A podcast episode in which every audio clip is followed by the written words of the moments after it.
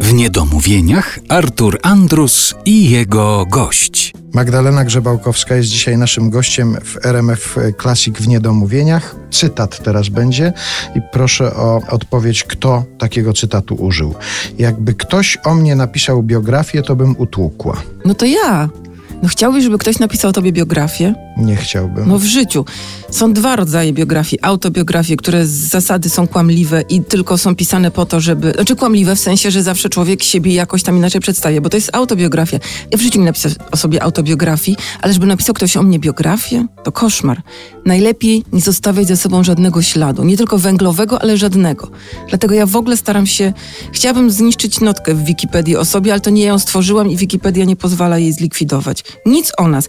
W ogóle, ale już mówiąc tak poważnie, uważam, że reportera określa jego dzieło, a nie on sam.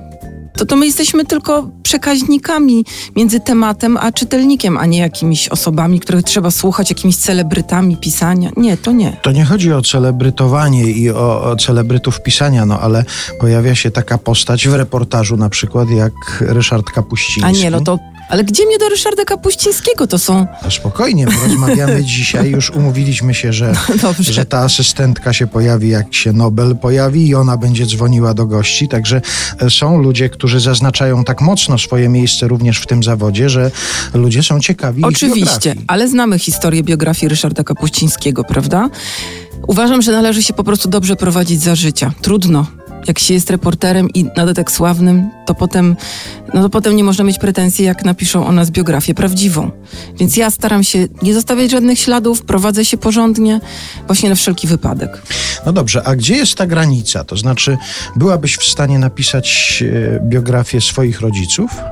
Czy to jest jeszcze za blisko, żeby, żeby Na zająć... szczęście byli kompletnie nieinteresujący dla publicznej opinii. To jednak, wiesz co, nie da się o każdym. Znaczy, każdy człowiek nosi w sobie temat na książkę i gdybym dostała zlecenie od wydawnictwa takie pytanie, czy chciałabym napisać biografię szarego człowieka, no to moi rodzice, super.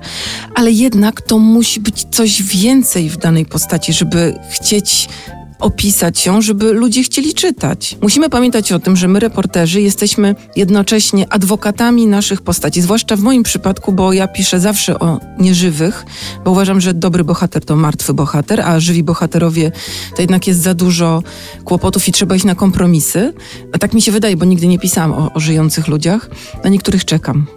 Ale to trzeba ich nie pozbawić godności. Czasami oni nam mówią więcej. Oczywiście mówią, nie mam na myśli, że stoją za mną i szepczą mi do ucha, tylko zdobywam o nich więcej niż powinno się to ujawnić. Ale czym to jest to więcej, co powinno się ujawnić, a czego nie? No to ja muszę sama to rozsądzić w swoim, w swoim sumieniu reporterskim.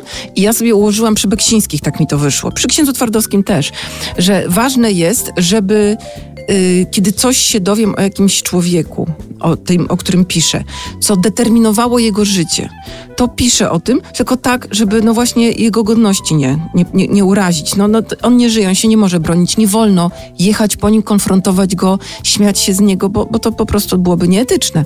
A etyka to jest ważna rzecz w naszym zawodzie. A jeżeli dowiaduje się czegoś, co byłoby super, że sprzedałoby mi jeszcze parę książek, bo byłaby ciekawostka, może byłaby sensacja, ale nie ma to wpływu na jego życie, a mogłoby skrzywdzić kogoś żyjącego obecnie, to też mówię o przypadku Beksińskich, to, y, to po prostu to opomijam. Powiedziałaś, że na niektórych czekam, to znaczy czekasz na to, aż odejdą, żeby No to móc okropnie brzmi, no tak.